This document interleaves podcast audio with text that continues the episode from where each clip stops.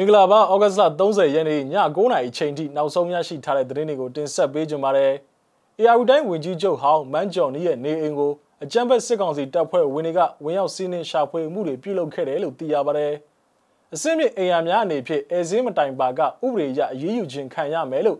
အကြမ်းဖက်စစ်ကောင်စီကဖိအားပေးညွှန်ကြားလိုက်ပါတယ်။ဂျပန်နိုင်ငံရောက်မြန်မာနိုင်ငံသားများကမြန်မာတန်မန်ကြီးဥကျော်မိုးထွန်းကိုထောက်ခံကြောင်းဆန္ဒပြခဲ့ကြပါတယ်။ စတဲ့သတင်းအကြောင်းအရာတွေကိုသတင်းထောက်ကျွန်တော်ထွန်းထွန်းဝင်းကတင်ဆက်ပေးကြပါမယ်ပထမဦးဆုံးအနေနဲ့တင်ဆက်ပေးခြင်းတဲ့သတင်းကတော့ရန်ကုန်တိုင်းဒေသကြီးလိုင်သာမြို့နယ်အတွင်းမှာရှိတဲ့ပရိသာပင်မြို့တော် FMI CD အပါအဝင်အခြားအဆင့်မြင့်အင်အားများအတွင်းမှာနေထိုင်သူများအနေဖြင့်အဲဇင်းမတိုင်ကြပါကဥပဒေအရအရေးယူခံရမယ်လို့စစ်ကောင်စီကဒီကနေ့ဩဂတ်စ်လ30ရက်နေ့ရက်စွဲပြည့်အင်အားကော်မတီတွေကိုဖိအားပေးညွှန်ကြားထားပါတယ်။ FMI စီရီမြို့တော်အပါအဝင်အောင်စရအိမ်ယာထီးလိုင်ရှင်အိမ်ယာတို့ကိုလည်းအဲဇင်းတိုင်ကြရန်ဖိအားပေးမှုတွေရှိနေတာပါအကြမ်းဖက်စစ်ကောင်စီကရန်ကုန်မြို့မှာရှိတဲ့မြို့နယ်၃မြို့နယ်ဖြစ်ကြတဲ့မင်္ဂလာတော်မြို့နယ်မော်ဘီမြို့နယ်နဲ့လှိုင်သာမြို့နယ်တို့ကိုအထူးစစ်ဆေးရေးများပြုလုပ်ရန်လိုအပ်သည်လို့ဆိုပြီးအဲဇင်းတိုင်ကြရန်ဖိအားပေးလာခြင်းဖြစ်ပါတယ်အဆိုပါအိမ်ယာများအတွင်းမှာအိမ်အောင်စုစင်း66မြင်းဆောင်6မရှိတဲ့အိမ်ရှင်များအပါအဝင်အိမ်ငါးများ ဆောက်လုပ်ရေးလုပ်ငန်းများမှာထားရှိတဲ့အလုပ်သမားများနဲ့အဆောက်များအဲဇင်းတိုင်ကြားရန်လိုအပ်တယ်လို့ဆိုထားတာပါဒီကနေ့ဩဂတ်စ်လ30ရက်နေ့ညနေပိုင်းချိန်ကရန်ကုန်တိုင်းဒေသကြီးအတွင်းမှာရှိတဲ့လှဲတံမြောက်ကလာပတောင်းကလာပနဲ့ရန်ကင်းမြို့နယ်တို့မှာပောက်ကွဲမှုတွေဇက်တိုက်ဖြစ်ပွားခဲ့တဲ့အတွက်မြို့နယ်များအားလုံးကိုပိတ်ဆို့ရှာဖွေဖမ်းဆီးမှုတွေစက်တိုက်လှုပ်ဆောင်လျက်ရှိနေတာပါ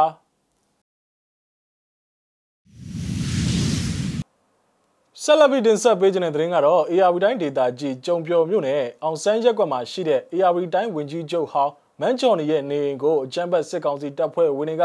ဩဂတ်လ29ရက်နေ့ကဝင်ရောက်ရှာဖွေမှုတွေလှုပ်ဆောင်ခဲ့တာတွေတွေ့ရှိရတယ်လို့ဒေသခံတွေကပြောဆိုပါတယ်။အဖိုးအိမ်ကိုဝင်ရှာတာပထမတော့အကိုကိုခေါ်သွားတယ်တိတ်မကြပါဘူးပြန်လွှတ်လိုက်တယ်။မိသားစုဝင်တွေကိုတော့ခီးမသွားဘူးခီးသွားရင်သူတို့ကိုအကြောင်းကြားရမယ်လို့မှားထားတယ်လို့ပြောဆိုပါတယ်။ နာဇရက်ကက်သလစ်ဖျားရှိခိုးကျောင်းကိုလည်းဝင်ရှာသေးတယ်ဘာမှတော့လုံမသွားဘူးလို့မိသားစုဝင်တွေနဲ့နှီးဆက်သူတူကဆိုပါတယ်ပျောက်ကြားဝစ်စုံဝစ်စင်ထားပြီးတော့တနက်ကင်ဆောင်ထားတဲ့မန်းဂျွန်နီရဲ့ဓာတ်ပုံတွေထွက်ပေါ်လာပြီးတဲ့နောက်မှာတော့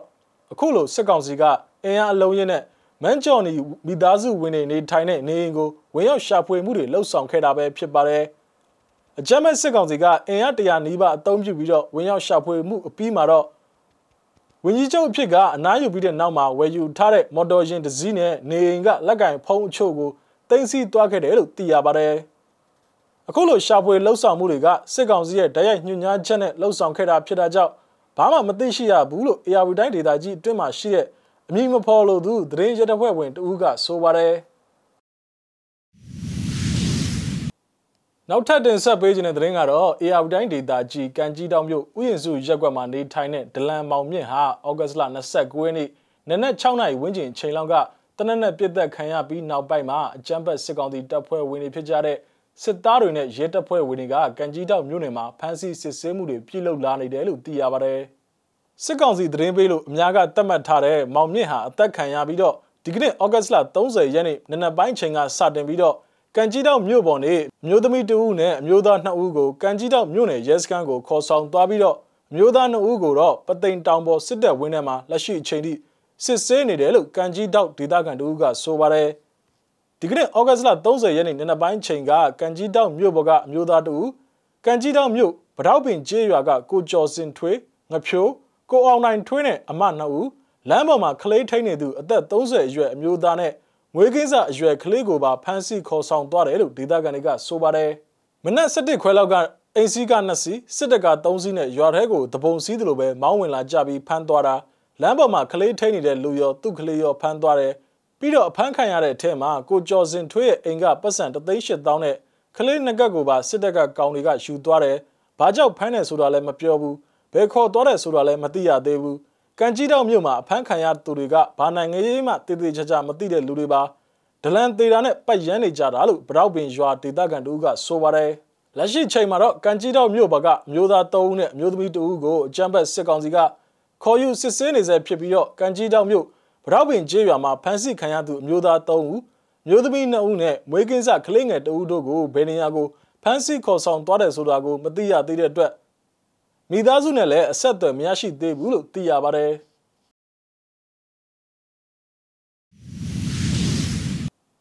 ထပ်မံတင်ဆက်ပေးခြင်းတဲ့သတင်းကတော့ကချင်ပြည်နယ်မိုးညစ်ခရိုင်ဖားကန်မြို့နယ်အတွင်းမှာရှိတဲ့ဖားကန်လုံခင်းရတနာမြေမှာဩဂတ်စ်လ29ရက်နေ့က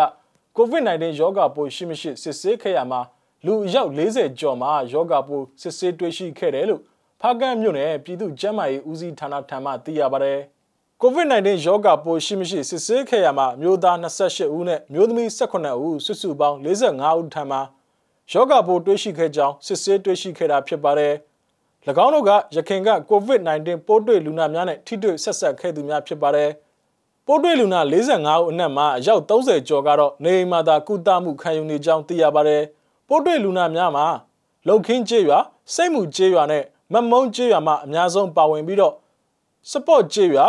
မလင်ချောင်းကျေးရွာတို့မှလည်းပါဝင်ကြောင်းသိရပါတယ်။ပိုးတွေ့လူနာများမှာအသက်60ကျော်အရွယ်2ဦးနဲ့အသက်10နှစ်ယောက်အရွယ်2ဦးပါဝင်ကြောင်းသိရှိရပါတယ်။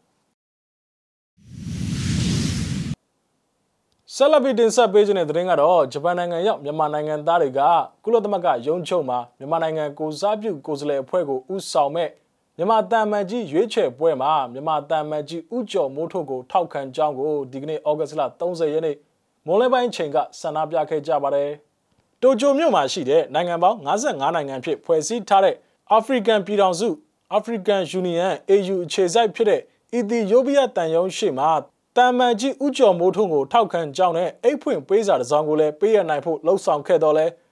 အီသီယိုးပီးယားတန်ရုံးမှာတန်အမတ်မရှိတာကြောင့်မပေးရဖြစ်ခဲ့ကြောင်းသိရပါတယ်။ African Union AU ရဲ့ပါဝင်ပတ်သက်ထောက်ခံမှုကမြန်မာတန်မန်ကြီးဥကျော်မိုးထွန်း ဆက်လက်တာဝန်ထမ်းဆောင်ရန်အတွက်အထူးရေးကြီးတာကြောင့် African Union AU မှာမြန်မာပြည်သူများရဲ့ဒီမိုကရေစီအရေးကိုအားပေးကူညီထောက်ခံပေးဖို့အတွက်မြစ်တာရက်ခံတောင်းဆိုဆန္ဒထုတ်ဖော်ခဲ့တာပါလို့ဆန္ဒပြရမှာပါဝင်သူတွေကဆိုပါတယ်။လာမယ့်စက်တင်ဘာလထဲမှာကုလသမဂ္ဂရုံးချုပ်မှာမြန်မာနိုင်ငံကိုစားပြုကိုယ်စားလှယ်အဖွဲ့ကိုဦးဆောင်တဲ့မြန်မာတန်မန်ကြီးအားရွေးချယ်သွားမှာဖြစ်ပါတယ်။အထွေထွေညီလာခံရဲ့အစိပ်ပိုင်းဖြစ်တဲ့အဖွဲ့ဝင်၉နိုင်ငံပါအရေးချင်းစစ်ကော်မတီ Credential Committee ကဆုံးဖြတ်သွားဖို့ရှိနေပါတယ်။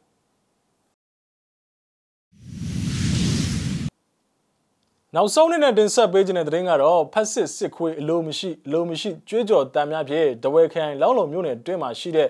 မျိုးသမီးများလူငယ်များနဲ့အခြေခံပညာကျောင်းသားကျောင်းသူများပူးပေါင်းပြီးတော့ဒီကနေ့ဩဂတ်စ်လ30ရက်နေ့ညနေပိုင်းချိန်ကအကြမ်းဖက်စစ်တပ်အလိုမရှိကြောင်းလမ်းလျှောက်ချီတက်ဆန္ဒပြခဲ့ကြပါတယ်ဆန္ဒပြဗီဒီယိုဖိုင်ကိုကြည့်ရှုရအောင်ပါဘုရားတော်ရဲ့ စနစ်ပြတ်ချမရတော်ရဲ့တော်ရဲ့ဘုရားဒီမိုကရေစီပြည်တော်စုတိဆောက်ရတော်ရဲ့တော်ရဲ့ဘုရားဒီမိုကရေစီပြည်တော်စုတိဆောက်ရတော်ရဲ့တော်ရဲ့အိစခွဲမော်တော်ကြောင့်မော်တော်ကြောင့်မော်တော်ကြောင့်အိစခွဲမော်တော်ကြောင့်မော်တော်ကြောင့်မော်တော်ကြောင့်အိစစခွဲလုံးမရှိလုံးရှိလုံးရှိအိစစခွဲလုံးမရှိလုံးရှိလုံးရှိဒီလိုစသောလုံးရှိလုံးရှိလုံးရှိဒီလိုစသောလုံးရှိလုံးရှိလုံးရှိတပိုက်တပိုက်ပေါက်ပေါက်တပိုက်တပိုက်ပေါက်ပေါက်တပိုက်တပိုက်ပေါက်ပေါက်အားရပြီအဘောရပြီအားရပြီအဘောရ ပြီအစစတာပြပြချမရတော်ရဲ့တော်ရဲ့ဖဒဒီမိုကရေစီပြည်တော်တိဆောက်ရတော်ရဲ့တော်ရဲ့ဖဒဒီမိုကရေစီ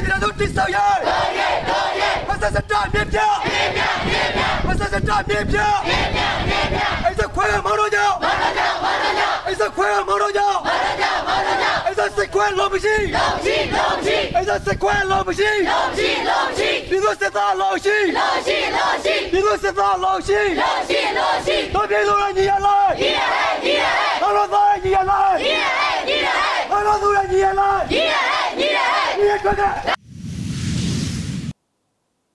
ဟုတ်ကဲ့ပါဩဂတ်စ်လ30ရက်နေ့ည9:00နာရီချိန်ထိနောက်ဆုံးရရှိထားတဲ့သတင်းတွေကိုကျွန်တော်တို့မြစည်းမဝိုင်းတော်သားများကနေပြီးတော့တင်ဆက်ပေးခဲ့တာပါမြန်မာပြည်နဲ့မှနေထိုင်တဲ့မိဘပြည်သူတွေအကုန်လုံးဘေးရန်နဲ့ကင်းရှင်းကြပါစေလို့ဆုမကောင်းတောင်းအပ်ပါတယ်